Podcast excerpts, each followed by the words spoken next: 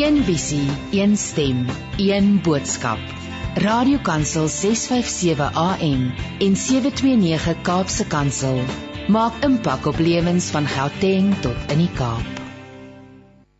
Goeiemôre en baie welkom by Met Hart en Siel. Dis alweer Dinsdagoggend en vandag, ag wat 'n lekkerte. Ek weet almal gaan sommer opgewonde wees om te hoor kuier is die Geldenhuis by my in die ateljee. Ek het dit goed gedink so in die aanloop tot die Paase om vir haar te vra om bietjie met ons te kom deel wat sê Vader vir haar, wat lê op haar hart. Ehm um, dis 'n spesiale tyd vir ons almal as gelowiges. Um, so dit is so lekker. Welkom Estie. Christine, baie baie dankie. Dis wonderlik om hier by jou te kan wees vandag. Ek weet nie hoe het ek uitgesien om weer hier te kom sit in hierdie studio nie. Hoorie sommer hier, dis deel van jou DNA hierdie studio, hoor. Ja, verseker, verseker. Ag en wat 'n wonderlikheid laat uh, ons weer gaste kan ontvang in die ateljee, hmm. nee. Ons het ons beweeg vorentoe. Ons ons ons beweeg vorentoe. Prys sy naam. Absoluut. Ja, so ek en Estie gaan bietjie gesels oor die Paase en dan om die program mee afgesluit gaan prediker Jacques Borman vir ons hy het vir ons 'n spesiale Paasboodskap opgeneem en ons gaan dit daarna luister. So bly ingeskakel. Ek vertrou daar gaan vandag hoop sielskos wees, baie inspirasie um, om jou geloof te verdiep. Ek wil net herinner en sê dankie, dankie. Ek is so dankbaar dankie bly, dankbaar dat ons WhatsApp weer werk. Ehm um, dis my sleg as ons nie kan gesels met ons luisteraars nie. So jy kan ehm um, saamgesels vandag 0826572729.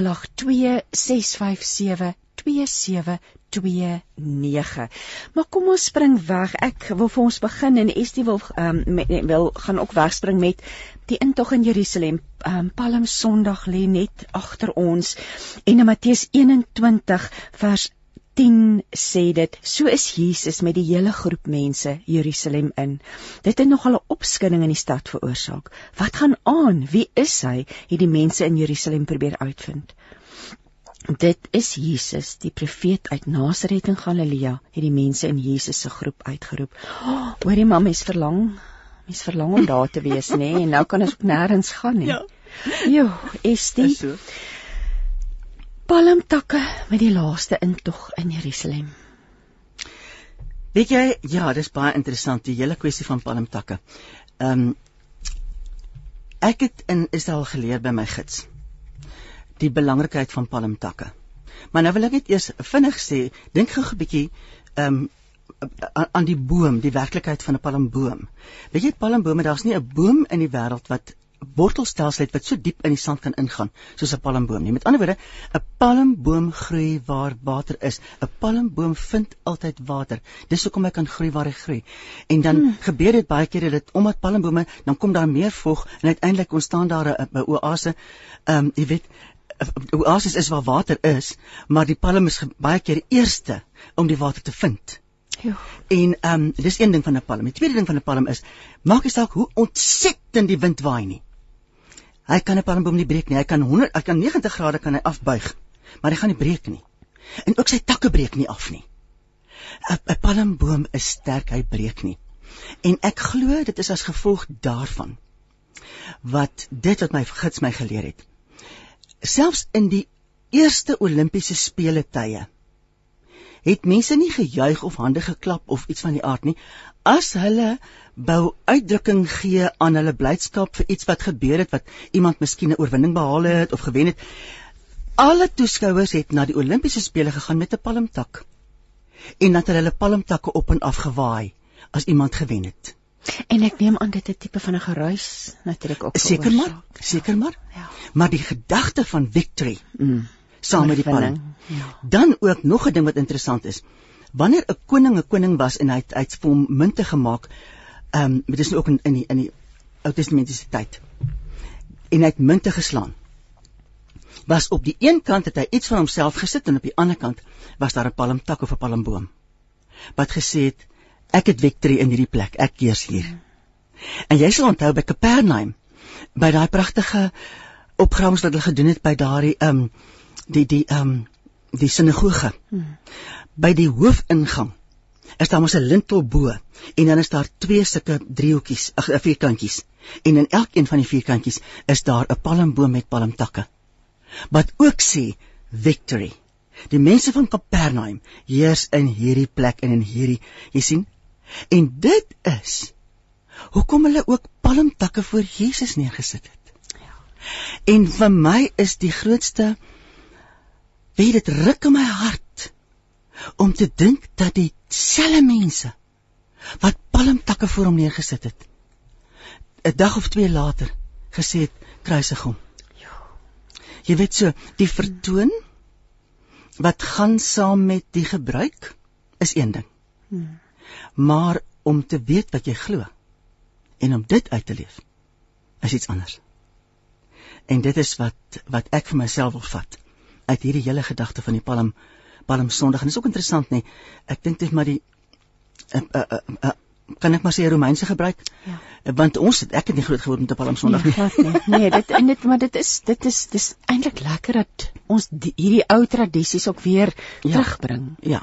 Ja. Om herinner te word en kyk nou net die pragtige simboliek wat jy vir ons kom oopbreek vandag ja. rondom dit en ja.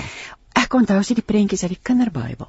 Dis reg. Is dit nie ek het nou eendag afgekom op my die Bybel wat ons met die kinderbybeltjie wat ons mee groot geword het. Die mooiste illustrasies, maar ja. ek kan spesifiek die intog in Jerusalem daar sien. Nee, op die donkie.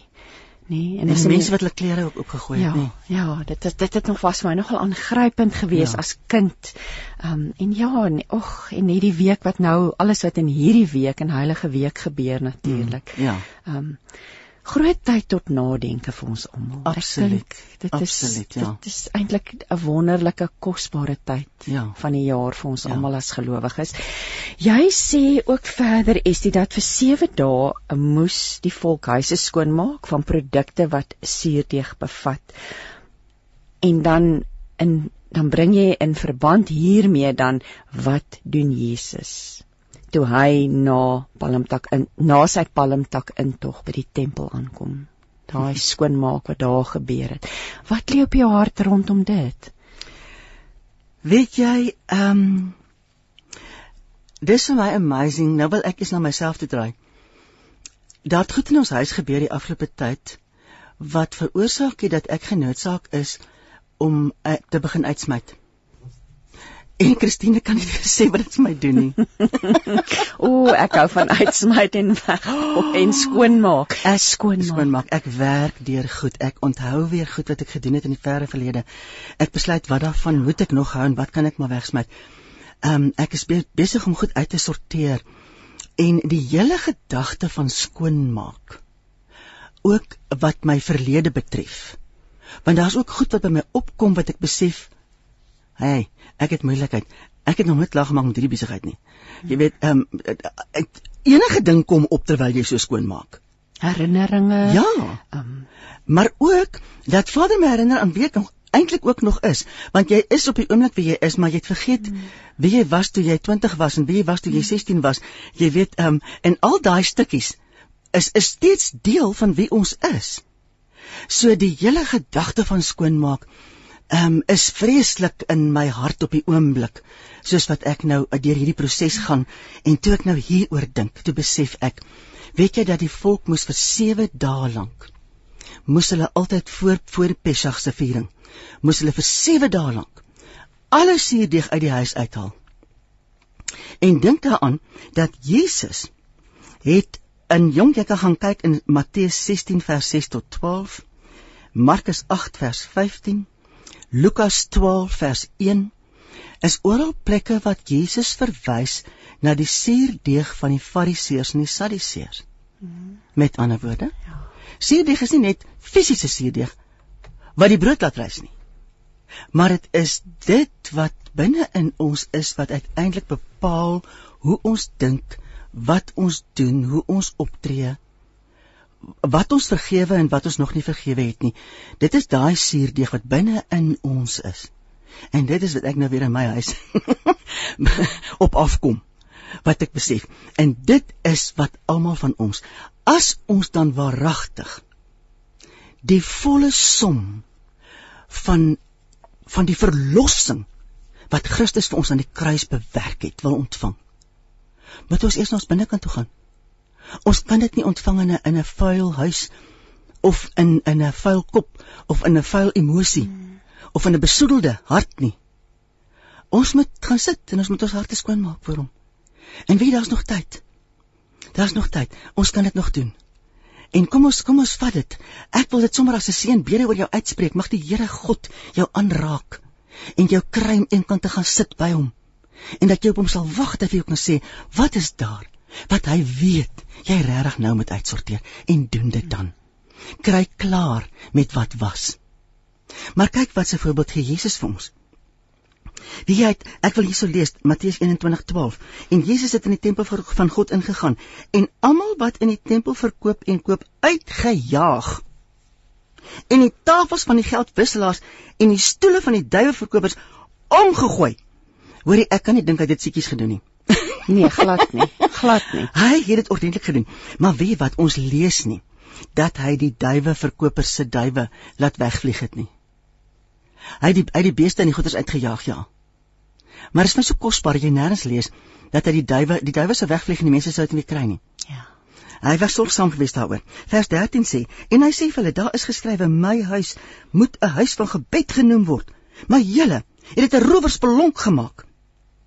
En daar het blindes, hoor net die kontras. Ja. Daar het blindes en krepeles na hom gekom in die tempel en hy het hulle gesond gemaak.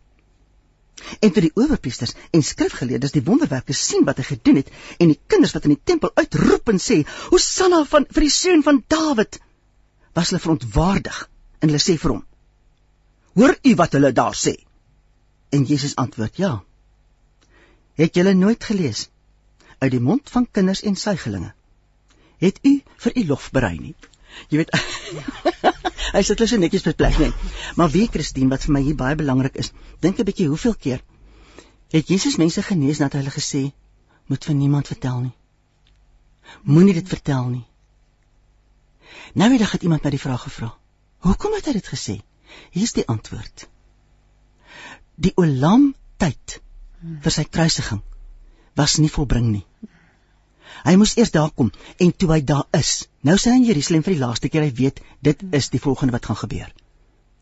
Het hy dit gelate aanvaar en selfs die Fariseërs en Sadduseërs op 'n plek gesit omdat die kinders dit uitgeroep het. En is dit nie wonderlik nie? Hoor wat roep hulle? Hosanna vir die seun van Dawid. En dis alles profeseë. En die Sadduseërs en Fariseërs was net 'n stuk sienig om dit te verstaan. Maar hulle hulle daai skrifte geken. Hulle het dit geken ja. ja. Maar hulle wou dit nie erken nie. En en dit is nog wie jy maak asseblief ek praat nou met jou wat by die huis luister. Maak asseblief jou oë toe en sien die prentjie. sien hoe die mense opgewonde is. Jesus kom, hulle sit palmtakke en klere voor hom neer. Hy gaan reguit tempel toe wat gaan maak hy? Hy gaan maak die tempel skoon. Weet jy dat ons ook in hierdie dae sal weet? As ons werklik aan hom lof en eer wil bring, moet ons hom toelaat om vir ons te kom verduidelik wat in ons het ons nodig om dit klaar te maak. En kry klaar daarmee. Sodat ons ontvanklik kan wees. Om uiteindelik by die voet van die kruis te gaan kniel. Ja, en die van alles wat oortollig is ontslae te raak, nê. Ons sukkel om dit te doen, Estie. Ons en, ons kom ons kry dit ons begin skoonmaak en regmaak en dan val ons maar net terug aandag weer op 'n ander ding. Ja, en ek, dit, dit is so en ons is ons is eintlik daar. Ons het so so baie goed en so baie dinge ja, en ek dink ja. dis waarvan ons gestroop is hierdie laaste jaar in, van baie daarvan. Ja, van baie ja, dinge. Ja. ja. En onthou net weer terug na die na die na die suurdeeg van die Fariseërs en die Sadduseërs. Wat het Jesus daarmee bedoel? Dat daar leringe is wat vals is. Hmm. En weet jy, ons moet onsself baie goed check. Dat ons die waarheid glo en nie valse leringe nie. En en weet ek het nie my amplified saamgebring nie, maar weet Christine. Elkeen wat 'n amplified het, asseblief skryf neer en gaan soek Kolossense 3 vers 15. Ek sê vir jou, Daar staan, man, ek kan nie dit my kop het onthou nie, maar dis die mooiste skrif wat praat oor vrede. En hy hy sê dat die vrede van God in jou uh, sal diffute alle alle ehm um, argumente. 'n boodskap hier, maar dit gaan waarskynlik heeltemal anders nee, hier staan. Amplified sê hom op sy eie. Weet jy hy praat van argumente en van dinge waaroor jy twyfel. Daai spesifiek daai twee spesifieke goed. argumente en goed waaroor jy twyfel ten opsigte van jou geloof. En hy sê net die vrede van God kan dit vir jou uitsorteer. Dit waaroor jy nie vrede het nie, moet 'n mens voor sê stop, ek moet eers gaan verder dink en praat. Ek moet gaan seker maak dat ek met die waarheid besig is. Want die waarheid sê gee altyd vir jou vrede. Die waarheid maak vry onthou, het Jesus vir die vrou by die put geleer. So ons moet wat die Sadduseërs en die Fariseërs se suurdeeg, valse leringe, moet ons in ons eie hart regtig voor ons Vader uitsorteer. En ja, dis baie moontlik dat mense nou alreeds goed begin praat met mekaar. Dis nie waaroor dit gaan nie. Gaan asseblief in jou binnekamer. Ja. Moenie met mense gaan praat daaroor nie, gaan sorteer met Vader uit. En as jy vra het, vra vra, maar nie om om enige iemand of enige iets te na te kom of te kap of iets van die aard nie. Nee, kom ons soek asseblief vrede en ons soek waarheid. Dis al wat ons nou moet doen. op jou eie plek en in jou Ja. eie dis Ja. mooi in die boodskap sê dit 'n Jesus se boodskap moet in julle lewe wees wat 'n bouplan vir 'n bouer is. Dit moet die plan wees vir alles wat julle doen en daarom moet julle nie tevrede wees voordat julle alles weet wat Jesus vir julle wil sê nie. Daar sê mooi is Hoor dit ook jy? nie? Hoor jy? bouplan, so ook dit Ja. dit het ook te maak met regmaak en skoonmaak en vir Ja. my daar's 'n verband. Ja, ja en en die regte keuses maak, né? Nee. En vir jou, vir jou Ja. lewe, wat sê Jesus vir jou Ja, lewe? Dis hy. In hierdie week, in hierdie tyd, Dis hy. ehm um, hierdie tyd wat ons nou in leef, hierdie unieke tyd. Is dit jy vat dit verder? Oeg, dit is my lekker dat ons jy, jy het lekker goed uitgelig vir ons. Ons praat oor die palmtak, ons het nou gepraat oor die suurdeeg en en wat dit ook die skoonmaakproses vir ons beteken.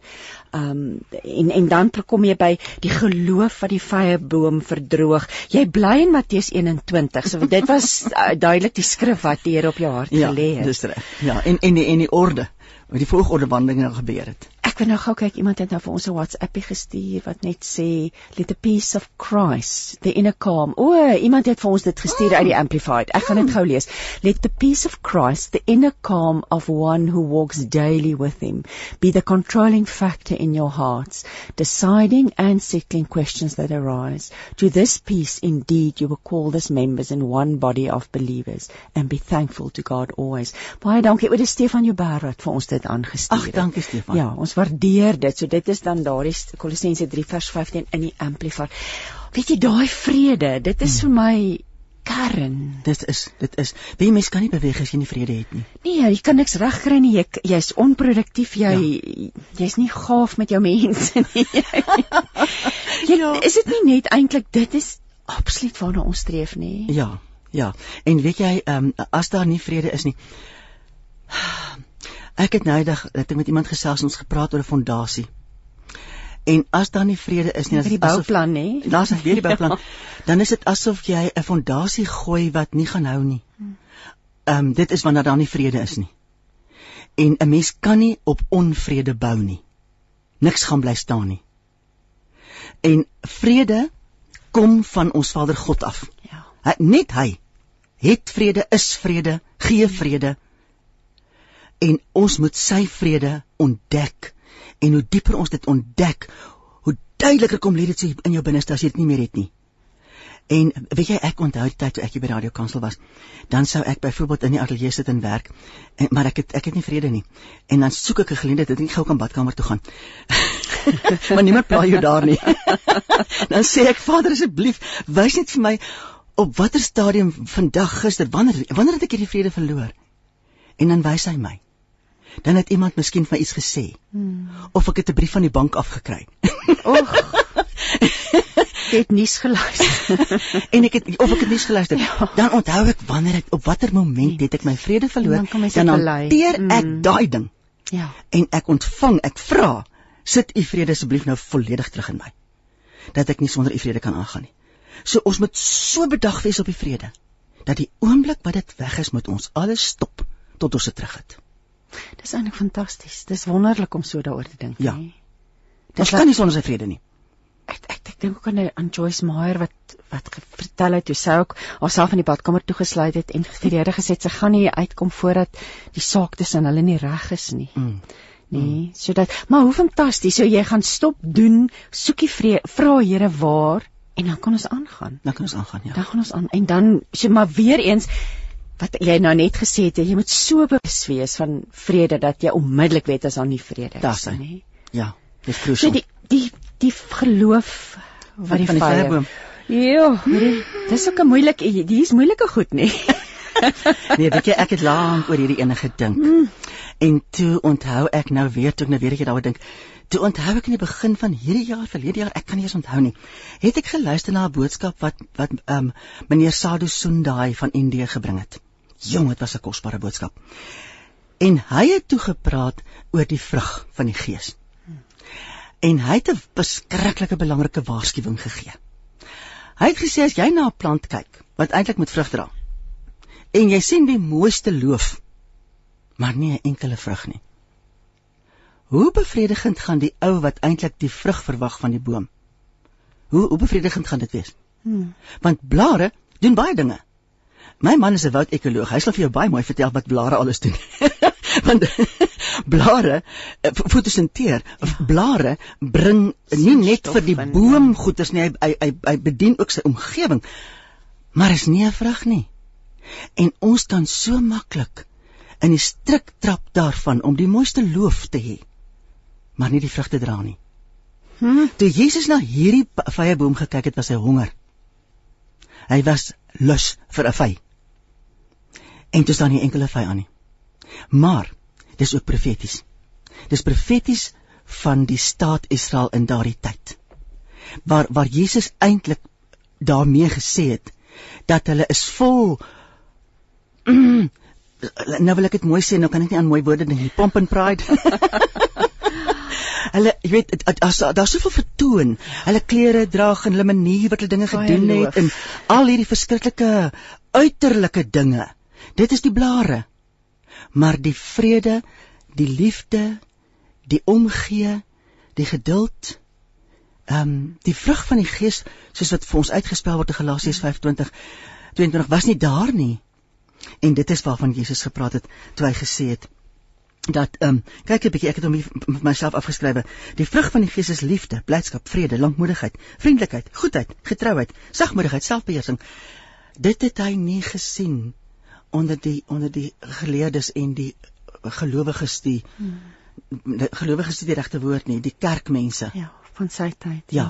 En ek dink ons in ons tyd ook, is dit so maklik moontlik dat ons verskriklike getroue kerkmense kan wees. Hier's maar nou, wat nie die vrug uitleef nie. Hier's nou 'n boodskap van Valerie Rautenbach wat sê: "Haai Christine en Estie, ek sit in verwondering en luister na die program en kan nie iets anders doen as om stil te sit en te luister nie. Ons mis jou baie Estie. Dankie dat jy vanoggend jou liefde en wysheid kom deel. Ah. Dit is vir ons regtig 'n voorreg." Um Ja, hy die diep wysheid as ek so na jou luister Esther, dit weet wat vir my mooi is en besonder is is die manier hoe jy goed raak sien. Wie jy goed dan vir ons kom oopbreek vir oggend en want jy leef na die Here. Maar ek is ook 'n prentjies mens. Ja. Ek het um, ek ek sien alles in prentjies. Mm. Ek sê ook altyd vir mense as ek die Bybel lees dan dan dan maak ek 'n movie. so ver ek die Bybel lees maak ek 'n movie. En weet terwyl jy hom maak, ehm um, sien jy goed raak um, en lees jy goed raak wat daar staan. Maar as mens vinnig beoor gaan dan anyway. Ja, so geloof wat die vrye boom verdroog en dan en dan waarom om ja, hy was honger en ja, om vir ons te leer. As jy nie vrug dra nie, soos ja. jy nou tereg gesê het. Ja. Ja, daai prentjie van die baie blare en die loof en dit is so, dit bring skadu, dit bring positiewe goed, maar dit lyk mooi. Dit lyk mooi maar die vrug, die vrug is nie daar nie. Ja. Jo, dit sien die mense ook maar baie. Daar's tye in ons eie lewe wat ons ek dink elkeen van ons, elkeen van ons, elkeen van ons. Kan ek jou sê nou die dag byvoorbeeld weer stap ek in 'n in 'n in 'n sentrum in en 'n vrou kom op my afgestorm. O, oh, ek wil chunk as ek net weer aan dink. Wie sy was so onversorg en hmm. ehm um, maar en maar ek was op, op spoed. Ek was so op spoed daai oggend. En ek besef sy sy gaan nou by my bedel. Weet jy, en ek het haar net gedodge. En ek het agterna vir vader so gesê, hmm. "Skus, ek is so jammer." Hmm. Wat weet ek van daai vrou se omstandighede? Ja, goed. Ehm um, ons word nie geroep om alle bedelaars. Ja. Maar maar 'n mens weet tog. Jy weet, op daai oomblik weet jy. Moet gee. Ja. ja. Ja. En en ek het haar gedodge. Weet jy, en ek ek het so vir vader gesê asseblief hier het ek nou nie vrug gedra nie. Ek pragtige beautiful groen loof. Laat ons loop, jy weet. Ja. Hou verby. Ja. So ons moet elkeen maar ons eie self ondersoek oor waar ons Vader van ons verwag. Absoluut, dat die Gees jou lei. Dis ja. wat ek altyd voel, mens weet. Ja. En weet jy partykeer weet jy net maar ek moet nou vir hierdie ou wat my trolly gestoot het van die supermark, moet ek R50 gee. Dit dis nie ja. ek voel ek bedoel ons is dis eintlik wat vir mense weer eens die vrede, nê? Ja. En dan as jy dit gegee dan kom die groot vrede ook oor. Ja. Nou weet jy 'n ander ouetjie wie wat daar naby my huis op die hoek altyd ja. ook geld vra. Vader het bekof my gesê ek vir my 10 rand nood gee en ek het. Mm. En uh, toe daarna toe ek weer verby ry, toe sê vader vir my stop praat met hom. En ek stop toe en ek gaan chat met die ouetjie. Hy kom dus ewe uit sy posisie uit in die middel, ek nie in die middel van die straat saam met hom staan gesels nie. en ons het 'n oomblik gesels en hy hy ken Jesus. Hmm. En ek vra toe vir hom, um, wat se Bybel het jy? Toe sê ek het nog nooit my eie Bybel gehad nie. Wie ek het daar in my kar geklim. Hmm. Ek vra toe vir hom wat se taal Bybel soek jy? Hmm. En hy sê toe vir my. En toe het ek gery en ek het hom Bybel gaan koop en teruggebring. Dit is net so lekker. Die brood van die lewe vir hom ja. gegee. Ja. ja. Nee, dit is so lekker. Maar jy het die moeite gedoen te ja. praat, nee? Dis die dit ja. is waar die verskil inkom. Kom ons praat. Jy kom dan ons gaan van Matteus af gaan ons nou aan na Lukas toe. Al hierdie dinge gebeur nog in hierdie hele week. Die hoogste gesag, die hoogste gesag verklaar hom as die perfekte lam. Kom ons praat daaroor. Ja, want ehm um, hy kon geen skuld Pontius Pilatus kon geen ja, het gesê kon geen skuld vind ja. in hierdie man nie. Weet jy, ehm um, ek dink is ook hierso wat hy in hierdie ehm um, teks wat hy sê, ja ook Herodes nie. Ja. Want ek het julle na hom gestuur. Daar staan Ek kan nie nou onthou watter van die vertalings ag van watter van die evangelies dit staan nie, hmm. maar wat Pilatus gesê het, ek en Herodes het vandag pelle geword, jy weet. Dis nie sy woord gewees nie, maar Ja, ja. Is waarop ek neerkom. sien see eye to eye. Want hulle hulle het dieselfde ja, opinie gehad oor die ja, saak. Ja. En uh, dit is vir my so amazing dat um, onthou nou die opdrag aan Moses, die opdrag van die begin af wat Moses die volk moes leer dat daar 'n lam geslag moes word, maar hy moes eers ondersoek word.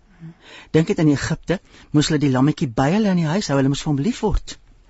En ehm um, maar hulle moes baie seker maak dat daar geen gebrek aan hom is nie. En uiteindelik as hulle later jare ook na, na die tempel toe dit gebring het, dan was daar priesters gewees wat gekyk het, die hoogste gesag het gekyk.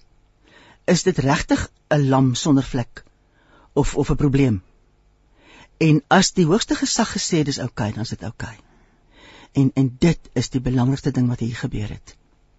Hulle was by by die by die hoofde gewees van die van die sinagoge. En toe was hulle by Herodes. En toe was hulle by Pilatus. En Herodes en Pilatus is uiteindelik 'n eh, polities die hoogste gesag. En nie een van die twee het enige iets met hom fout gevind nie.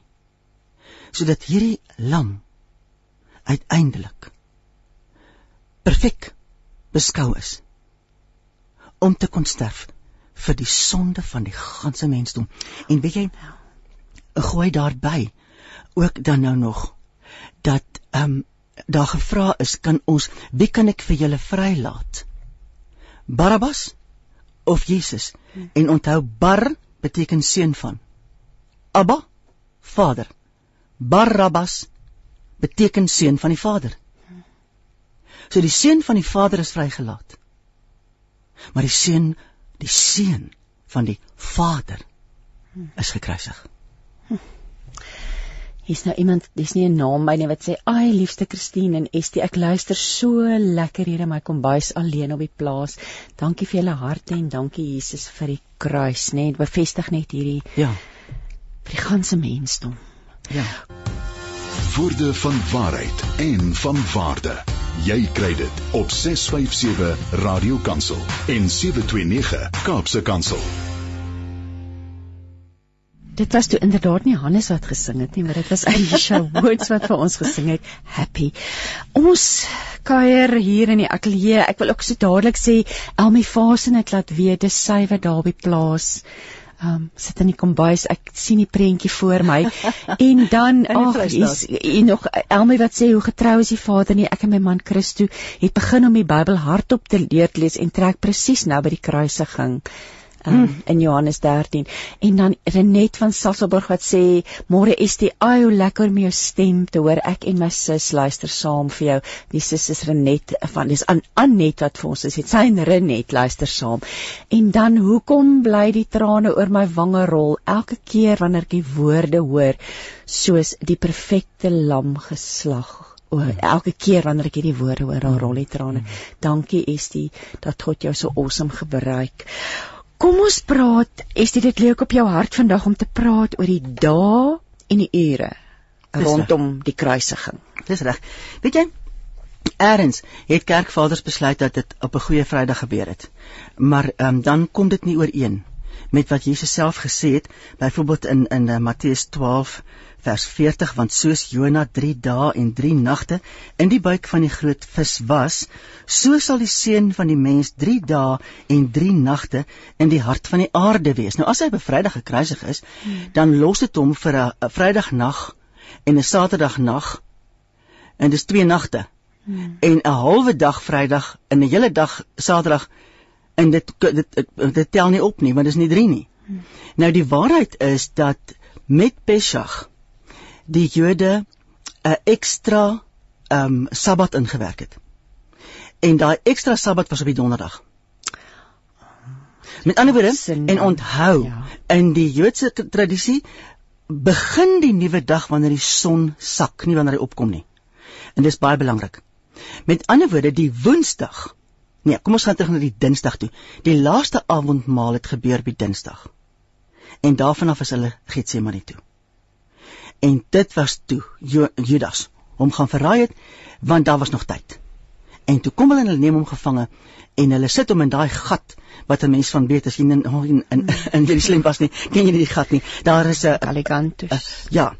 Sint Pieter en Galicantu het hulle 'n heeltemal 'n tronk daaronder gehad, maar daar was ook onder andere 'n plek wat hulle uitgekap het waar hulle baie gevaarlike gevangenes ingegooi het en hulle vir Jesus daar ingesit. Dan was daar so 'n soort van 'n hmm. suil en kom ons noem hom 'n chute, dan vertel staan mense en dan het hulle 'n soldaat weer afgesak wat 'n tou vasgemaak het om weer opgereis huis het nadat hulle die onwettige Sanhedrin bymekaar gebring het. Dit was dus die Dinsdagnag. En toe het hulle bitter vroeg in die oggend het hulle begin move na Herodes toe en na Pilatus toe en uiteindelik is hulle kruis toe met hom. En dit was op die Woensdag. Hy is op die Woensdag oorlede. Hy is die Woensdag nag, Donderdag nag en Vrydag nag. Drie nagte. En hy was die Donderdag, die Vrydag en die Saterdag. Erns toe die nuwe dag begin het op Saterdag aand. Hmm. Want die volgende dag het begin op Saterdag aand. Ons weet nie wanneer nie, maar erns daar het hy opgestaan in daai nag. Maar hy was 3 nagte en 3 dae verseker was hy in die graf gewees. Die volgende ding is die tyd. Onthou as hulle praat van die eerste uur, die 6de uur, die 9de uur, die 12de uur, hulle begin hulle ure tel 6 uur in die oggend. So as hy gekruisig is, ehm um, op die waar is dit nou weer dat ek met reg sien? Ehm um, hulle begin tel op 6 uur die derde uur is hy gekruisig en dit is dus 9 uur die oggend. Hmm. Toe sy toe hulle hom gehuis, daar hang hy nou aan die kruis. Die 6de uur het dit donker geword en dit is 12 uur. En hy het eers die 9de uur het hy sy asem uitgeblaas. Hmm. En weet jy dat die woord sê van 12 uur tot 3 uur, met ander woorde van die 6de uur tot die 9de uur, was daar duisternis oor die hele wêreld. Dit was nie 'n sonsverduistering oor Jerusalem nie. Dis nie wat die woord sê nie. Gaan lees hom weer. Die hele wêreld was in duisternis vir 3 ure lank. En ons kom nou daarby, maar om te dink dat dit ons Vader se bydra was. Dat die mensdom nie kon aanskou dit waardeur sy seun gegaan het aan die kruis nie. Dit is wat hy vir hom kon gee om dit nagdonker te maak want ons weet ook kyk hy, hy is nie op 'n koppie soos die tannie van die liedjie nie mis dit nou weer met daai mooi liedjie geskryf het? Hy is langs die pad gekruisig. En nie so hoog nie. Mense kon op hom spoeg. Dit is wat gebeur het daar. Jy weet so hy's langs die pad en daar was baie mense gewees maar toe dit donker word het die mense ook ehm um, 'n koers gekry. Sodat daar, daar was net die handjievol wat oorgebly het. En en dit alles ter wille van die ontsettende vernedering en die verguising Want kyk wat hy voor dit beleef het was al klaar erg genoeg, maar maar dit was dan nou dit gewees. En weet jy ehm um, ja, ehm um, wat wil ek nog hier gesê het? Ehm um, die wonder daarvan ook dat uiteindelik ehm um, dit net enkelinge was en wie was die enkelinge ons gaan daar ook nou nog weer praat wat uitgehou het tot die end toe maar dat die disippels as sulks absoluut geskitter het in al hulle afwesigheid. Petrus het dit darm nog gemaak tot tot by die by die ehm um, by Pontius nee Pontius Pilatus nie wat was die ander ou se naam? Caiaphas se huis. Maar toe hy ook homself so geskrik omdat Jesus sy optrede reg voorspel het dat hy ook pad gegee het. Net Johannes en ek dink, jy weet ons praat van Johannes as 'n disipel van die liefde en dan dink ek myself, is dit dan net die liefde wat Johannes gedring het om eind uit te bly? Waarskynlik, um, nee. Ja, um, ek het ek het nou die dag daaroor gedink. Paulus het geskryf geloof, hoop en liefde en dat die en dan sê hy die grootste van is die liefde. Maar sien dit as 'n as 'n toebroodjie. Geloof en liefde is die twee broodjies weerskante en hoop is dit 'n volsel in die middel. En as ons soos Johannes kom kom wat wat dit wie is dit op die end wat nooit 'n 'n 'n misdadige dood gesterf het nie was Johannes. Wie is dit wat die openbaring ontvang het was Johannes. Jy sien daai liefde wat hy gehad het het hom gebaat en dat ons daarop sal fokus. Weet jy dat ons nie net sal fokus daarop om om om ons Messias Yeshua Jesus lief te hê nie, maar mekaar. Want Jesus het gesê die CV van 'n ware disipel is het julle mekaar werklik lief. Hoeveel liefde leef jy uit? Jou liefde verander mense om jou. Word jou CV as 'n disipel van Jesus Christus. Maar dit is hmm. hoe die dinge gebeur het en met ander woorde dat uiteindelik was dit op 'n Sondagoggend. Ja, daar het ons dit reg. Dit was op 'n Sondagoggend wat die vroue na die graf gegaan het. Hmm. En besef het maar hy is nie daar nie. En ehm um, ja. Kom ons is dit ek weet dit op jou hart, dit lê op jou hart om oor die kruiswoorde wil gaan ons nou gesels ja. en hoe dit ons raak. Hoe raak hmm. dit is 2000 meer as 2000 jaar gelede wat dit afgespeel het. Ja. Maar raak dit my vandag? Hmm.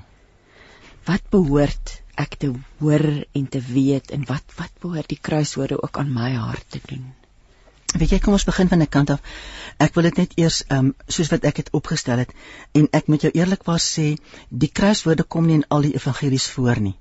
So ehm um, 'n mens gaan sit ook maar en skryf hulle neer en mm. gaan kyk wat het gebeur en uiteindelik ehm um, is wat ek hier neergeskryf het is wat ek aanvaar die orde daarvan is.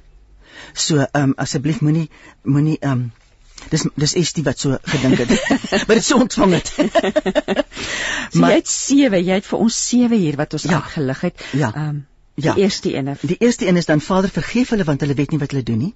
Ek gaan hulle eers almal deurlees en dan gaan ons oor hulle gesels individueel. En dan die tweede een was vandag sal jy saam met my in hierdie paradys wees, in die paradys wees. En dan het hy ook gesê vrou vir Maria, vrou daar is jou seun en vir Johannes daar is jou moeder. En die vierde was my God, waarom het U my verlaat? Eli, Eli, lama sabachthani. En dan die vyfde een was ek 'n dors. En die sesde een Vader, in U hande gee ek my gees oor. En toe, dit is volbring. It is finished. Nou as ons voorbegin. Ehm um, Vader, vergeef hulle. Wil jy dink wat het alles gebeur? Gaan lees asseblief weer die hele Jesaja 53. En want wat hulle wat Jesaja daar gesien en neergeskryf het, het gebeur. Hy het nie meer die voorkoms van 'n mens gehad nie.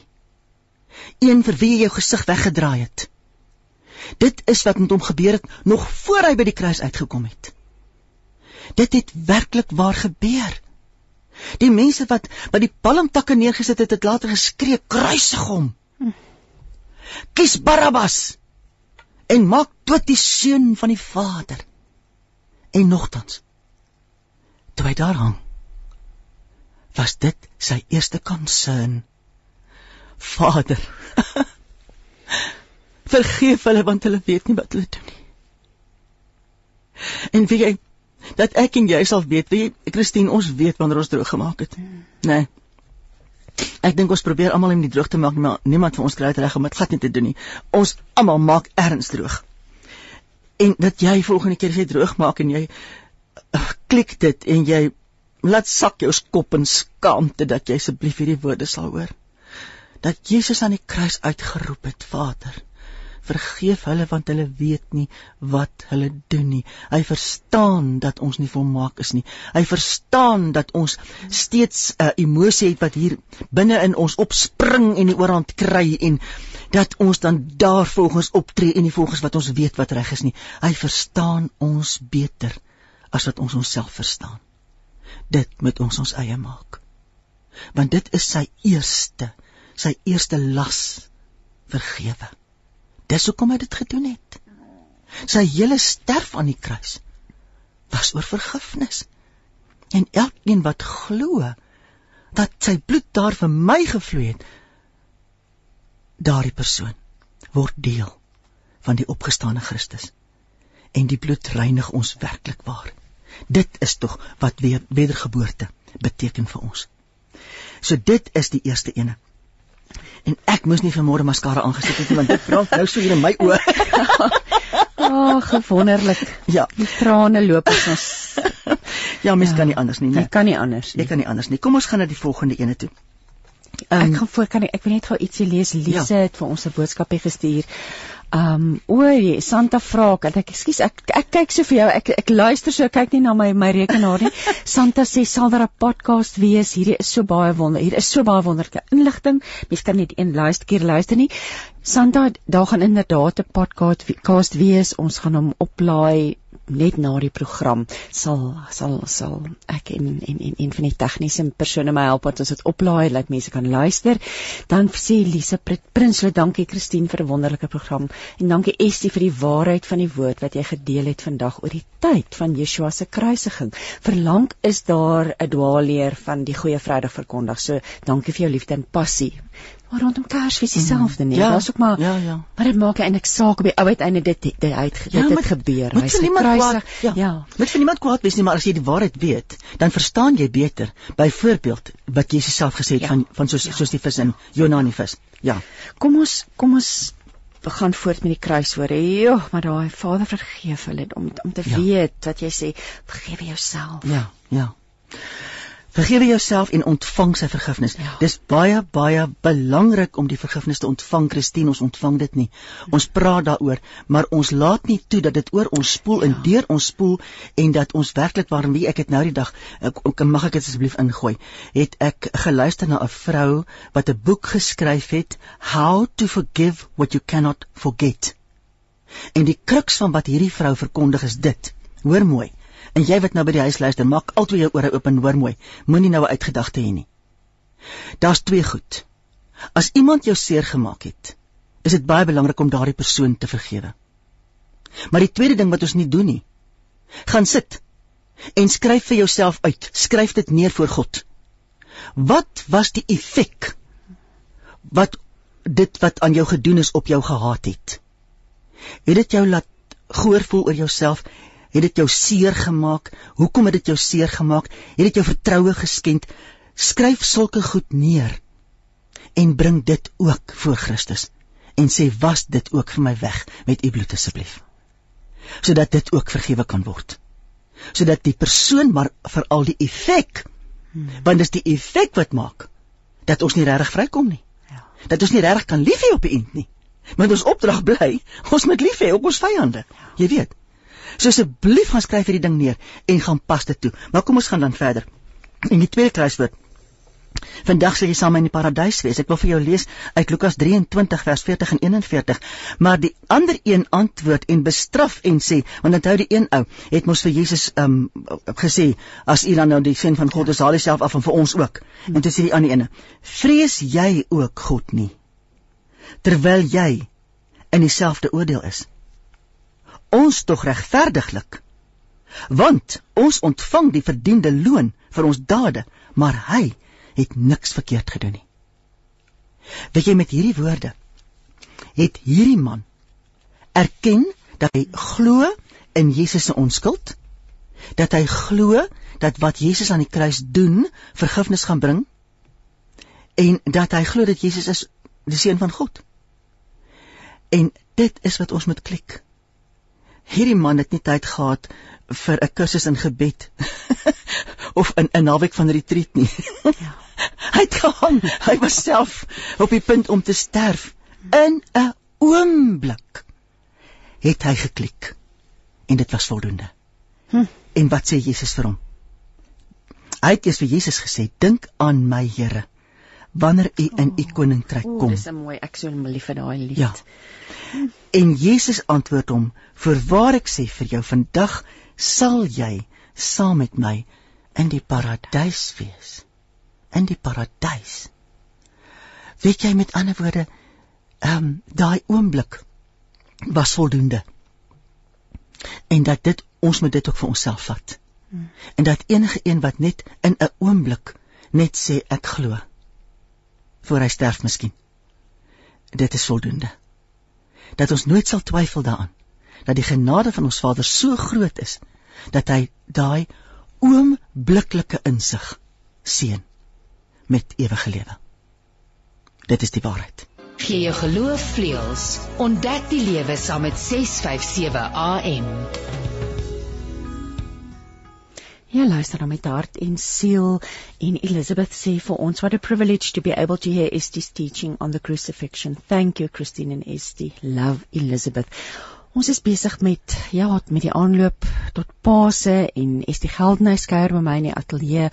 Ons gesels nou oor die kruiswoorde en ons is by die derde kruiswoord. Estie, vrou, daar is jou seun. Ja, weet jy, ehm um, laat ek dit kernagtig doen. Dis my baie baie interessant. Dat onthou jy daar's 'n teksvers waar ons lees dat Jesus was besig om om te bedien en toe kom er sê hulle vir hom jou jou ma en jou broers is buitekant. Hulle wil jou sien. En toe sê hy maar hulle wat hier sit is my moeder en my broers. En 'n ander geleentheid weer waar ehm um, die broers, Jesus se broers vir hom gesê het maar jy moet net hier rond die ding doen nie. Uh, gaan daar waar almal jou kan sien. En almal van jou kan weet. En weet jy, ehm um, al twee insidente uh, dui net daarop want ek dink ook dat Jesus daar toe Maria en die, en die broers gekom het, was daar 'n gesindheid by hulle wat nie reg was nie, en hy het dit geweet. En dis hoekom hy nie daarop reageer het nie.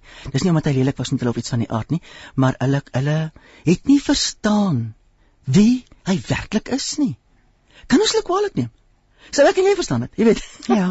Ehm ja. um, maar die feit bly staan dat hulle het hom nooit werklik verstaan nie. En nogtans, daar staan Maria by die kruis en Johannes staan by die kruis. En Jesus se hele wese wil haar graag versorg. Daarom sê hy, al het hulle hom nie verstaan nie. Hoorie, kom ons dink gou vir, vir onsself. Hoeveel van ons het iemand in die familie wat my nie verstaan nie of in my vriendekring of by my werk? Ek weet wie ek is en hulle dink ek is dat. En ek is dit nie. Ehm um, en wat is ons gesindheid daaroor? Jesus het die volmaakte gesindheid gehad. Daar staan hy en hy kan sê, Maria, ek wil jou versorg. En hy sê vir Johannes, daar is jou moeder. Ehm um, daar is jou seun.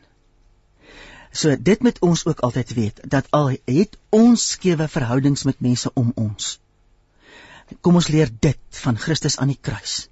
Hy hang daar, hy's besig om te sterf, maar hy gee steeds om en hy versorg. Die volgende een. Wat is die volgende een, die vierde een? Nou jy sien wat nou interessant is, is dat hierdie eerste 3 het gegaan rondom die mense wat om hom was. Nou in die volgende deel begin dit gaan oor dit waarvoor hy werklik aan die kruis gehang het. En weet jy, um Jean Edwards het 'n boek geskryf, The Divine Romance.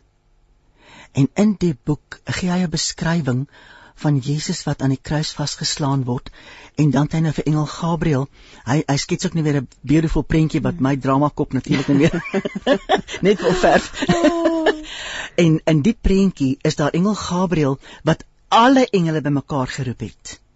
En hulle die opdrag gegee het om terug te gaan in tyd en vorentoe te gaan in tyd om alle iniquity en alle onreg onreg te bring. Maar hulle moes wag tot sy tot sy bevel kom. En toe die ou ou die hamer oplig om die eerste spyker in Jesus se polse in te slaan. Toe se roep Gabriël, "Nou!" En dan gooi hulle mm. alle iniquity en alles wat vrot is. Gooi hulle saam met daai eerste hou in Christus in op hom daar waar hy by kruis hang. Geen mense verstand kan dit verstaan nie. Dat alle onreg op hom gekom het. Dit is wat daar gebeur het. En hy het gedra. En en dit is waarom hy want jy sien toe dit was so erg Sy vader kon hom nie meer bystaan en kon hom nie want dit was wat hy op sy eie dit is waarvoor hy aangetree het om dit te vat in die voorpoorte van Hades. En daarom roep hy toe uit: Vader, my God, waarom het U my verlaat? En weet jy, daar het hy alleen gehang. En dit is toe wat die wat die wat dit duisternis geword het en wat vir my so kosbaar is. Ek weet nie of jy al gaan kyk het na Psalm 22 nie. Dawid was waaragtig 'n profeet. Want gaan lees weer Psalm 22 en kyk hoe ontsettend dit ooreenkom met dit wat Christus aan die kruis moes meemaak. My God, hy sê ook in Psalm 22 vers 2. My God, my God, Waarom het U my verlaat? Ver van my hoop, van die woorde van my gebrul. Hm. Nie van my woorde van my mond nie. Van my gebrul. Dink net wat was dan in Christus. Hoe moes sy emosie al het dit dalk nie uitgebrul nie, dit het in hom gebrul. Weet jy, ehm um, En dink ek aan Jesaja 53:10 en 11, maar dit het die Here behaag om hom te verbrysel. Hy het hom krank gemaak. As sy siel 'n skuldoffer aangebied het, sal hy 'n nakroos sien. Hy sal die dae verleng en die welbehae van die Here sal deur sy hand voorspoedig wees weens die moeitevolle lyde van sy siel sal hy dit sien en versadig word deur sy kennis sal my knegt die regverdige baie regverdig maak en hy sal hulle skuld dra dit is wat Jesus aan die kruis gedoen het. 1 Petrus 3:18 want Christus het ook eenmaal vir die sondes gelei en hoe het hy nie gelei nie? Hy die regverdige vir die onregverdiges om ons tot God te bring. Hy wat wel gedood is na die vlees, maar lewend gemaak deur die Gees. Jy weet, die eerste Adam was 'n lewende siel gewees, die tweede Adam 'n lewend makende gees. En dit is waarvoor hy hier moes deurgaan. En weet jy in hierdie tyd het wat die Vader sy seun verlaat het, het Jesus die volle skuldlas gedra. En dit is waarom hy uitgeroep het Eli Eli lama sabachthani. Weet jy, ehm um, en dat ek en jy sal weet omdat Christus God verlate was. Sal ek en jy dit nooit wees nie. Solank as wat ek glo, sal ek dit absoluut nooit wees nie. Ek glo dit is daarna wat hy gesê het, ek het dors. Want wie jy toe was hy op daai plek Onthou jy dat Jesus self die gelykenis vertel het van van Lazarus? Lukas 16. Vader Abraham, Lazarus het uitgeroep in die warm plek. Vader Abraham, wees my barmhartig en stuur Lazarus dat hy die punt van sy vinger in water kan insteek en my tong verkoel want ek ly smarte in hierdie vlam. Maar Abraham, antwoord: "Kind, onthou dat jy jou goeie dinge in jou lewe ontvang het en so ook Lazarus die slegte en nou word hy getroos, maar jy ly smarte." Ek glo dat hierdie warm plek dit is wat Yeshua op hierdie stadium hmm. beleef het. Dit klink dit maak so sin nê, Ja. soos jy dit nou vir ons hier uitlê. Ja. Dat die dors was toe Ja. gewees. En jy sien Johannes 19:28 lees ook hierna omdat hy geweet het dat alles al volbring was sodat die skrif vervul sou word, het Jesus gesê: Ek het dors. En jy sien onthou nou. Vader het my eendag 'n gedig laat skryf oor Jesus se se instap in in Jerusalem in. En in die gedig het die woorde uitgekom wat ek die vraag gevra het, wat was in u gedagtes toe u op daai donkie gesit het en die mense hulle klere en hulle palmtakke voor u gegooi het? Het u dalk 'n aftikluisie gemaak? Dis nie soos ek dit gesê het nie, maar Ja, dis waarop dit neerkom. ja. Het u dalk 'n aftikluisie gemaak van die profeseë wat nog nie in vervulling gegaan het nie?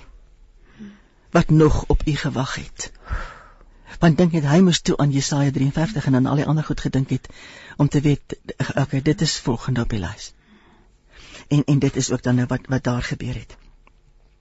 Maar weet jy, ehm um, net die Vader kon ehm um, kon Jesus hier deurvat. Ek het ook aangehaal hier uit Hebreërs 2 vers 8 en 9 alle dinge het hy onder sy voete gestel want in die onderwerping van alle dinge aan hom het hy niks uitgesonder wat aan hom nie onderworpe is nie. Maar nou sien ons nog net dat alle dinge aan hom onder onderwerp is nie. Ons sien dit nog nie. Maar ons sien hom, naamlik Jesus, wat vir 'n kort tydjie minder as die engele gemaak is.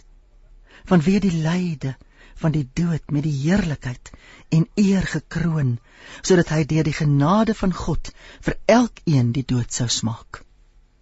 Hy het die dood gesmaak vir alle mense en daarom hoef ons dit nie te smaak nie. Openbaring 21:8. Maar wat die vreesagtiges aangaan en die ongelowiges en gruwelikes en moordenaars en hoereerders en towenaars, afgodedienaars en al die leenaars, hulle deel is in die poel wat brand met vuur en swaal. Dit is die tweede dood. Dit is wat waarvan Jesus ons vrymaak. Ons hoef nie dit te gaan verduur nie. En wie jy daarna het hy gesê, glo ek, Vader, in U hande gee ek my gees oor. En en dat hy daarmee gesê het Lukas 23:46 en Jesus het met 'n groot stem uitgeroep en gesê Vader in U hande gee ek my gees oor. En toe hy dit gesê het blaas hy sy laaste asem uit. Nou dit is volgens Lukas.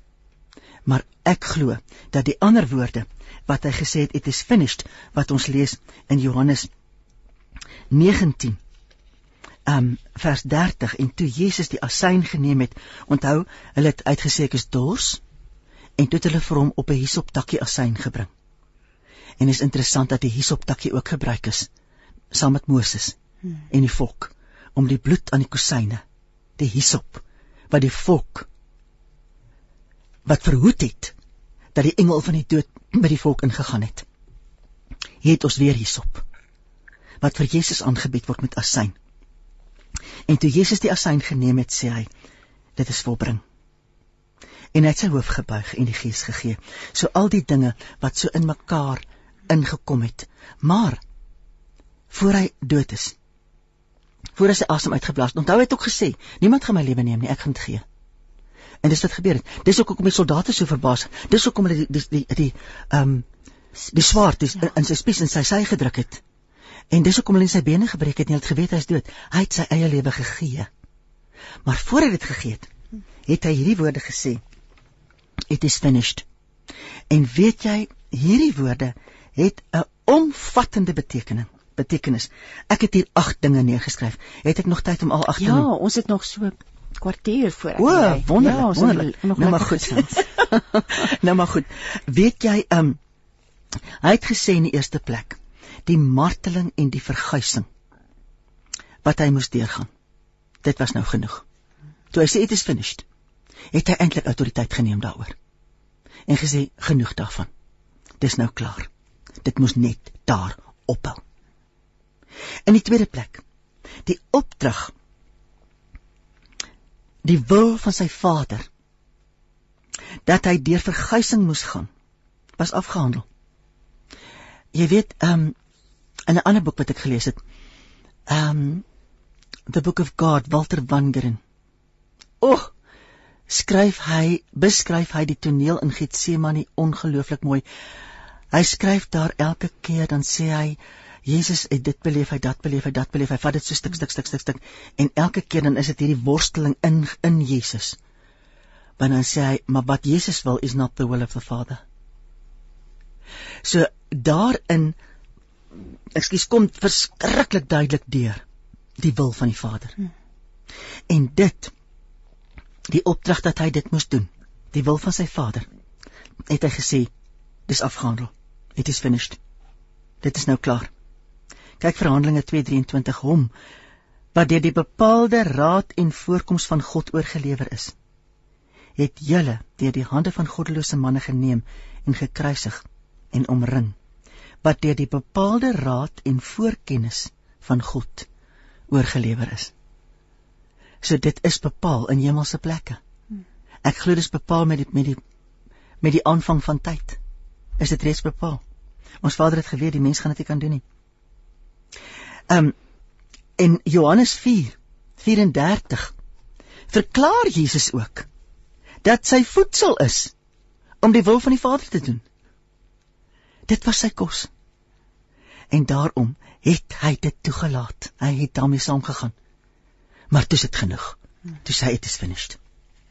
Elke profesie wat oor Jesus en sy kruisdood uitgespreek is, het sy tikoflysie was klaar.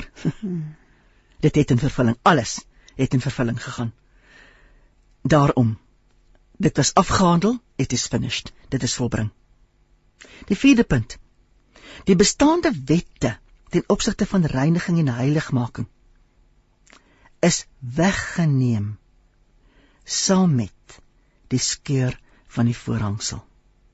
Die seremoniele wette en die nodigheid daarvan was verby.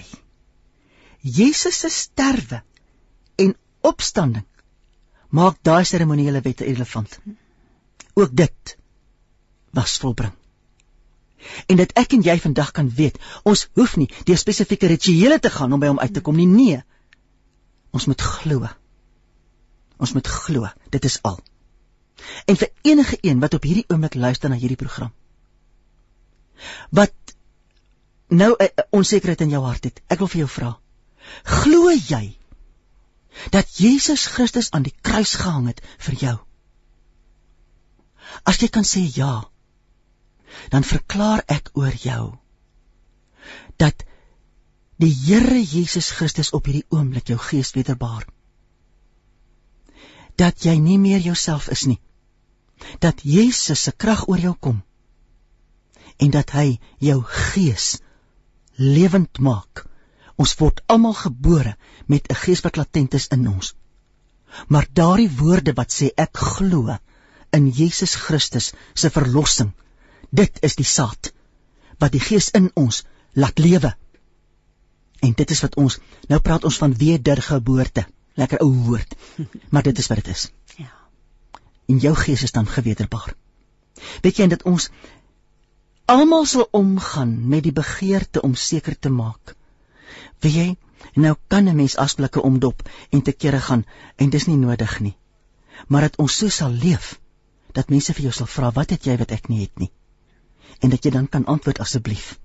Ek glo in die verlossing van Jesus Christus. Daarom leef sy gees in my gees. Dit is dit is die woord woord wat ons moet oordra. Jesus die 5de ene. Jesus se sterwe aan die kruis het klaar gespeel met sonde. Sy bloed was dit weg vir ewig. En wie dit beteken nie dat ons nie weer gaan sondig nie. Maar dit beteken dat ons dit weer kan bring onder die bloed. En dat ons weer, en weet jy wat, ek weet nie of daar mense is wat soos ek ook dikwels 'n probleem het met gewoonte sondes nie. En as ek dit weer gedoen het dan is ek so kwaad vir myself. Maar weet wat, dat ons daaroor ook sal bid en dat ons dit ook na die kruis toe sal bring en sê, help my om u dissipline oor my eie besluitneming toe te pas, want ek besluit om te doen wat ek doen. Dit lê by my En ek moet daarmee eind kry. Ek moet regte keuses maak. Ek moet ophou om twak aan te jag. En ek moet weet dat as ek werklik was sonder sonde wil wees, dan moet ek dit voor die kruis bring en ek moet vir Jesus vra, "Waarskynlik my asseblief betyds dat ek betyds kan hierdie onvrede hê dat ek nie weer kan doen wat ek nie moet doen nie." Maar dat ons sal weet. Hebreërs 9:26. Nou het hy eenmal in die volëinding van die eeue verskyn om die sonde deur sy offer weg te doen. Die offer van Jesus het weggedoen met alle sonde. Dit moet ons glo. 6. Die smart en lyding wat Jesus moes verduur in sy aardse liggaam was verby. Dankie tog. It is finished. Dis volbring. Smart en lyding is nou klaar. 7. Jesus se lewe op aarde was hiermee afgehandel. Finished. Met die dat hy sy laaste asem uitgeblaas het, was sy tydelike lewe op aarde as mens volbring. Hy kon letterlik herstel na die ewige volmaakte wat groter is as die dood. Hy kon terugtreë in sy posisie en ons weet dat hy vandag daar is diegene wat hom baie mors dood aan die kruis hou. Maar dis nie waar hy is nie. Hy sit aan die regterhand van die Vader. Wie wat maak hy daar? Hy intercede. Hy is in intersessie vir my en jou. Dis wat hy daar doen. Dit is waar hy is. Hy teruggetree in die een wat hy voor die grondlegging van die aarde was, die woord deur wie alles ontstaan het wat ontstaan het. Hy's weer daai een. In die agste plek. Verlossing vir die mens en nuwe lewe in Christus vir elkeen wat hom sou glo was voltooi. Al wat nog moes gebeur was die laaste stap van oorwinning oor die Satan wanneer Jesus uit die dood sou opstaan. Ek wil graag vir jou lees Johannes 17 van vers 4 tot 8. Ek het U verheerlik op die aarde. Jesus bid en hy sê dit vir sy Vader. Ek het U verheerlik op die aarde. Die werk wat U my gegee het om te doen, het ek volbring. Hoor jy? Daar's weer die woord volbring. En nou Vader, verheerlik my by U self met die heerlikheid wat ek by U gehad het voordat die wêreld was. Daai geselle gedagte, hoor jy? Ek het u naam geopenbaar aan die mense wat u my uit die wêreld gegee het. Hulle het aan u behoort en u het hulle aan my gegee en hulle het u woord bewaar. Nou weet hulle dat alles wat u my gegee het van u kom. Want die woorde wat u my gegee het, het ek aan hulle gegee en hulle het dit ontvang en waarlik erken dat ek van u uitgegaan het en hulle het geglo dat u my gestuur het. Wieke, dit is vir my fenomenaal om net te besef dat daar voor die grondlegging van die aarde 'n plan was. Ons het net nou verwys na die argitek. Die argitek se planne en sy keuses. En die Vader en sy Seun en sy Gees het dit alles uitgerol oor eeue. En dis alles volbring aan die kruis. En daarom was it was finished. Daarom kan ons lewe, nê? Ewig saam met hom. Ja, daarom kan ons lewe. Ag, ek wil net sê, Vader, in die naam van Jesus, kom ons Vader, ons kom in ons gebrokenheid voor U. En ons wil net sê dankie, dankie, dankie. Dankie dat dit U plan was, dankie dat U dit deurgevoer het. Dankie Jesus dat U bereid was om die offer te wees. Dat U dit vir my gedoen het. Dankie. Dankie dat ons almal net nou kan sê ons ontvang. En ons kies gehoorsaamheid. Ons kies geloof, hoop en liefde ons kies om dit in uit te leef en te wees. Vader, en dankie dat ons elkeen wat na hierdie program luister nou kan seën met die volheid van dit wat u bedoel het toe u dit gesê het. Dit is volbring. Raak ons aan met u volheid. Halleluja. Amen. Amen. Amen. Jo, is iemand wat nou vra ek het nodig om met Estie te kommunikeer per e-pos of WhatsApp. Estie kan mense met jou kontak maak. My e-posadres is baie um eenvoudig. Dis st@stgeldenhuis.co.za. Wag, wag, wag, jy's nou te vinnig. Ja, maar onthou nou, mens spel my naam. E S T E. Ja. Daar's nie 'n i in nie. En moenie die skynstreepie opsit nie, dit werk nie daar nie. E S T E. Aapstert. En dan weer 'n keer my naam en my van. En daar's nie 'n punt of 'n ding tussenin nie. Ook nie 'n ander strook of 'n en en strook of 'n een- enige strook nie. en die Geldenhuis spel 'n mens met 'n G E L aan die begin en 'n- aan die einde 'n H U lang Y S. Daar sê. Punt C op en Z. So Egne, jy kan uh, vir ST e-pos stuur en jo, en soos iemand vroeër gevra het, um, ons program vandag word uh, word 'n podcast, 'n potgooi.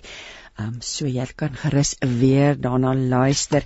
Jo, ST ek die die woorde death could not hold him nee. Ja. Want dit is Ja. dis wat nou volg. Ja. Nou kom die opstanding. Nou kom die oorwinning en Ja. die betekenis daarvan, daai opstandingskrag. Dink ons kan amper begin afsluit en wat kan jy vir ons sê oor die opstandingskrag? Ons het nou so die dood saam met jou so diep Ja. beleef en so intens beleef, maar die hoop, nou kom die Ja, liefde, die ja. die liefde het sy lewe vir ons gegee. Weet jy Christine, dat ons sal weet soos wat Christus dit uitgespel gespel het met daai laaste woorde, it is finished. Dit is volbring. Dat hy het dit daar afgehandel. Wat hy daarna vir 3 dae sal hy eendag, ek weet nie of hy vir ons sal vertel nie want ek dink dit maak saak nie. Ja. Maar hy was vir 3 dae en 3 nagte was hy. Um in die voorpoorte van die dood. En toe het hy opgestaan. En weet jy wat vir my so fenomenaal is? Van Maria Magdalene wat hom aangesien het vir die, vir die tuinier, die manier waarop hy haar naam gesê het, het vir haar gesê dis hy. Weet jy dat ek en jy sal weet dat maak nie saak in watter omstandighede ons is nie. Sy opstandingskrag kan ons daar uithaal. Ons moet net bereid wees om hom so intiem te leer ken dat wanneer hy ons naam sê, ons sal weet dat hy praat. Intimiteit. Ek werk op die oomblik deur 'n boek wat Andrew Murray geskryf het, Die skool van gebed. En dit is wat Murray ontsettend klem op lê. Ons moet weet dat die Vader is. Ja. Die Seun is. Die Gees is. Dis nie 'n mite nie. En ons moet weet dat hy gesê het, "Vra my en ek sal antwoord, dis die waarheid." Ons moet weet dat hy gesê het, "Gaan na jou binnekamer, maak die deur toe en wag op my." Dis die waarheid. As ons daai goed nie doen nie, gaan ons nie kan opstaan in sy krag nie. So, hou dit vol. Mm, amen. Kom ons sluit af. Ek wil net vir Estie dankie sê. Dankie. Dit was absoluut fantasties en so 'n voorreg om met jou te gesels. Ons gaan dit weer doen. Um, ek dink jou prate is nog nie praat klaar gepraat nie, Estie. Maar kom ons sluit af en ek dink dit is baie gepas om nou te luister na die Drakensberg seunskoor wat vir ons um, Piet Smit se oorwinningslied gaan sing. Sy woord sal ewig staan. Ons is in die aanloop tot die Paase en ja, wat 'n wonderlike voorreg om met Essie te kon gesels het. Ons gaan nou luister na prediker Jacques Borman wat vir ons spesiaal ook 'n Paasboodskap um, opgeneem het en en en en kom ons luister wat hy sê. Goeiemôre. Dit is goed om vandag so bymekaar te kan wees en vir 'n paar oomblikke net opnuut ons harte te draai na God se woord toe om in kontak te kom met die uitnodigings wat hy aan ons rig en ook ons reaksie daarop in ons hart. En dit uiteindelik dalk nuwe besluite te neem oor hoe om in die rigting van die uitnodigings te beweeg. Ons is in Heilige Week saam met Jesus. Nou dis die week van Jesus se passie. Nou passie word afgelei van die woord passio wat lyding beteken. Met die COVID-19 pandemie wat steeds verwoesting saai, is ons baie bekend met lyding, selfs meer as gewoonlik. Die afgelope jaar het ons soveel verliese gely. Dink maar aan die geliefdes wat oorlede is. Mense wat se inkomste gekrimp het of tot heeltemal stilstand gekom het. Die verlies van vryheid wat ons in die verlede so van selfsprekend aanvaar het wat nou ook ingeperk is. En so wonder ek, wat is die verlies waarmee jy tans leef? En dan die vraag, hoe kan ons leef in die midde hiervan? Nou in die donkerste tye glo ons as gelowiges dat Christus se lig vir ons die pad vorentoe kom wys. Selfs al voel dit of die donker ons wil oorweldig, kan ons met hoop lewe in die wete dat God se lig deur niks uitgeblus kan word nie. Nou oor hierdie Paasnaweek staan die Saterdag bekend as Stil Saterdag. Nou dis 'n dag van tussenin wees. Ons is uit een vertrek op pad na 'n ander een. Ons is so in die deur weg. Jesus se kruisdood, is die Vrydag, 'n uh, dag wat vol dinge is wat gebeur het wat ons in verwondering laat, wat ons geskok het. Soos op Saterdag waar ons met hierdie vrae leef, weet nie waar dit ons los nie. Want Sondag, die opstanding het nog nie opgedaag nie. Nou stil Saterdag is gewy daaraan om te leef met die misterie van ons onbeantwoorde vrae. Met dit as agtergrond wil ek jou nooi om te luister na wat so gebeur het in daai tyd vir Maria by Jesus se tuingraf. In Johannes 20 vers 11 tot 18 lees ons: Maria het buitekant die graf gestaan en huil. Terwyl sy huil, het sy vooroor gebuk en in die graf ingekyk. Sy sien toe twee engele met wit klere aan wat sit op dieselfde plek waar die liggaam van Jesus gelê het, een aan die kopkant en een aan die voetekant. Hulle vra haar: "Vrou, waarom huil jy?" Sy antwoord hulle: "Hulle het my Here weggeneem en ek weet nie waar hulle hom neergelê het nie." Nadat sy dit gesê het, het sy omgedraai en Jesus daar sien staan, maar sy het nie besef dat dit Jesus was nie. Jesus sê vir haar: "Vrou, waarom huil jy?" Wie soek jy? Sy het gemeen dat dit die tuinier is en vir hom gesê: "Meneer, as u hom weggedraai het, sê asseblief vir my waar u hom neergelê het en ek sal hom gaan haal." Jesus sê toe vir haar: "Maria." Sy draai om en sê vir hom in Aramees: "Rabboni." Dit beteken leermeester. Jesus sê toe vir haar: "Moenie aan my raak nie, want ek het nog nie na die Vader opgevaar nie. Gaan na my broers en vertel vir hulle ek vaar op na my Vader toe." wat ook julle Vader is, na my God toe wat ook julle God is. Maria Magdalena het die boodskap aan Jesus se disippels gaan oordra. Ek het die Here gesien en sy het ook vertel wat hy vir haar gesê het. Vorige dag Maria gesien dat Jesus aan die kruis sterf. En sy moes saam met sy ander disippels gevoel het ongelooflike hartseer, verward het gewonder hoe gaan die toekoms lyk en met hierdie groot vrae moet hy leef. En soos jy aan jou verlies dink, wil ek jou nooi om na drie uitnodigings uit hierdie gebeure op te let. Die eerste een lê in die vraag wat Jesus aan haar stel. Hy vra: "Vrou, hoekom huil jy?" Nou dis belangrik om daarop te let dat Jesus nie dadelik vir haar sê: "Hou op om te huil nie." Hy kon vir haar gesê het: Dis ek. Hy ontmoet haar waar sy is. Hy nooi haar om eerlik te wees, eerstens teenoor haarself en dan ook om te verwoord wat dit is wat sy voel. Nou dis so teen hoe ons baie keer optree wanneer ons verlies beleef, né? Ons sal baie keer vir mekaar sê, moet net nie ontvergeet om sterk te wees nie. Ons sê vir mekaar moenie worry nie. Nou Jesus nooi ons na 'n ander manier van optrede. Hy nooi ons om dit te verwoord presies hoe ons voel. Jesus self het dit ge, gemodelleer, né? Toe Lazarus, sy vriend oorlede is, toe kry ons die kortste teks in die Bybel en dis die woorde en Jesus het gehuil. Jesus wat geweet het hy is by magte om Lazarus uit die doodheid op te wek. Kom in kontak met hoe hy voel en hy gee uiting daaraan. Ons lees in die skrif dat wanneer ons swak is, is God sterk. Nou in ons verwerking van verlies gaan ons baie keer dalk deur verskillende fases en stadiums gaan. Elizabeth Kubler-Ross het dit beskryf op die volgende manier en miskien wil jy identifiseer waar jy is as jy dink aan jou eie verlies. Die eerste een is ontkenning.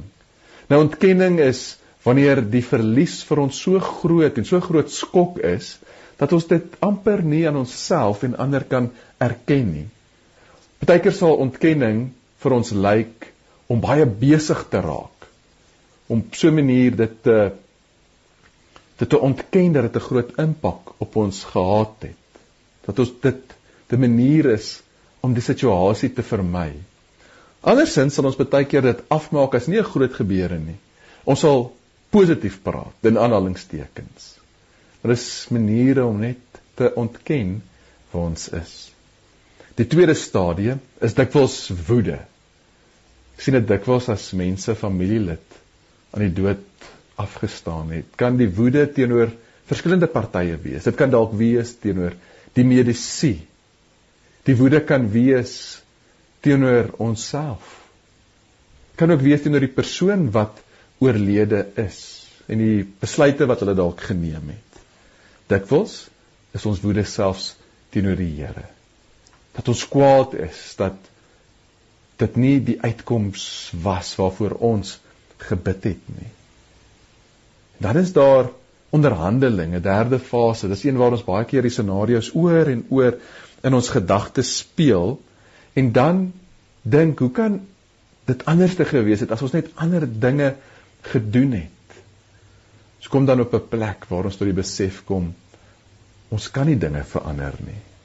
Wat ons bring by 'n fase dikwels van neerslagtigheid, 'n diep hartseer, 'n plek waar ons voel my hande is maar eintlik afgekap.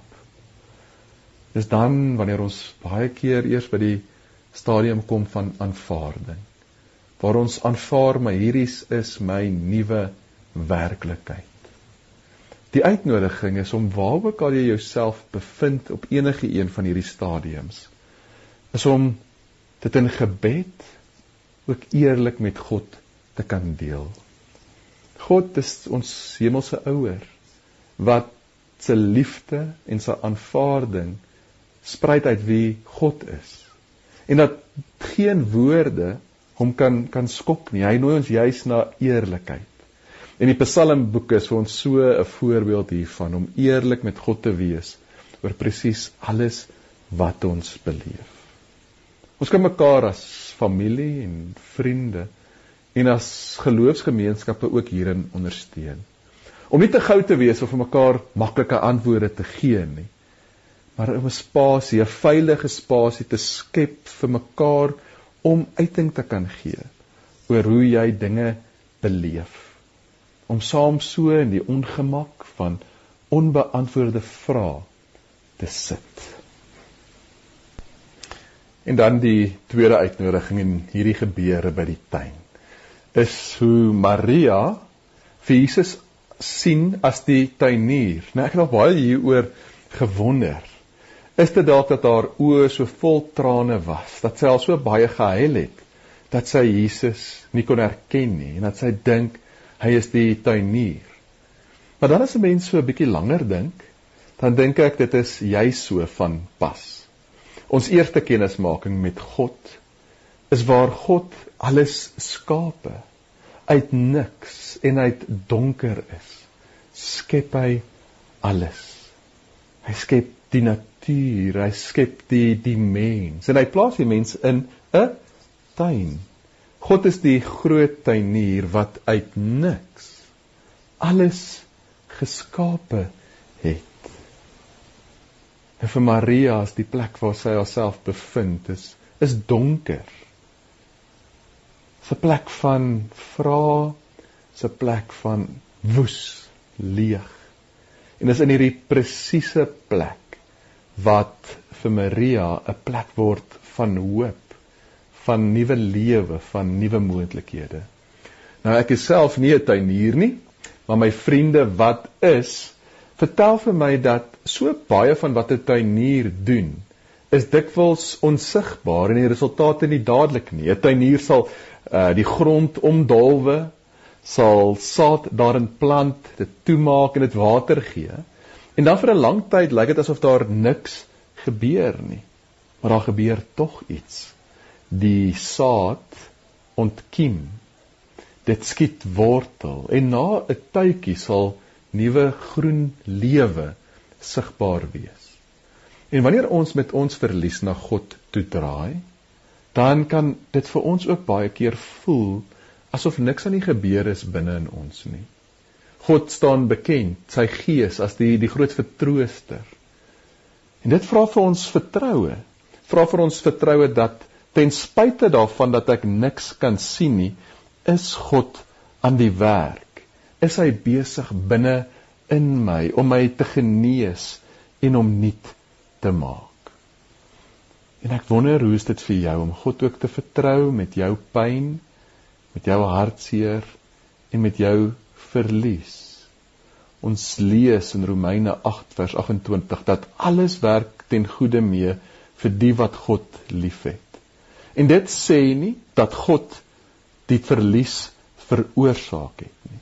Maar dit sê dat ons situasie altyd redeem kan word, dat God nooit uit planne uithardloop nie. Hoe sou dit vir jou wees om die groot tuinier ook te vertrou met jou pyn en met jou verlies? En dan die derde uitnodiging vind ons in die woorde wat Jesus sê vir vir hierdie vrou toe haar roep op haar naam en sê Maria. En daardie een woord besef sy wie dit is wat hier met haar praat. Sy hoor die stem van liefde en van genade. Sy hoor die die stem van die een wat na haar gekyk het soos nog niemand van tevore nie nie met oë van judgment nie. En ook nie met oë van wat kan ek uit hierdie vrou kry nie. Nee, hy kyk met oë van aanvaarding, van genade, van vergifnis en bovenal van liefde. Sy kom agter dat in hierdie stem is dit ook die goeie nuus dat die dood is oorwin. God is by haar. God is met jou. Ons kan leef met daai voortdurende hoop. En so is dit my gebed dat jy vandag sal ervaar te midde van jou verliese, te midde van jou pyn en jou hartseer en jou verlange, dat hy ook jou roep op jou naam. Dat hy jou in hierdie roep nooi om alles met hom te deel. Dat hy met hierdie roep jou wil kom oortuig van sy teenwoordigheid dat hy God Immanuel is, God met jou. Soos wat jy hoor hoe hy ook by jou kom stil staan. Jy hom sal kan vertrou as die groot tuinier wat aan die werk is ook in jou hart wat jou uitlei na 'n nuwe begin. Die Sondag het Christus uit die dood uit opgestaan. En hierdie selfde krag leef ook nou in ons. Ons kan nou terugkyk na die Vrydag toe en dit die goeie Vrydag noem in die in die wete dat die dood is is oorwin. Ons kan leef met die met die wete dat God is teenwoordig en aan die werk in ons lewe. Ek wil graag vandag saam met ons bid. En saam met jou bid. Kom ons bid saam. Here, dankie dat ons vandag ook na U toe kan kom. Here, U ken elke een van ons. U ken ons omstandighede, U ken ons pyn, U ken ons verliese. Here en ons wil vandag opnuut na U toe draai. Draai in die vertroue dat U nie net hoor en sien waartoe ons gaan nie, maar dit Een visie, een stem, een boodskap. Radiokansel 657 AM en 729 Kaapse Kansel maak impak op lewens van Gauteng tot in die Kaap.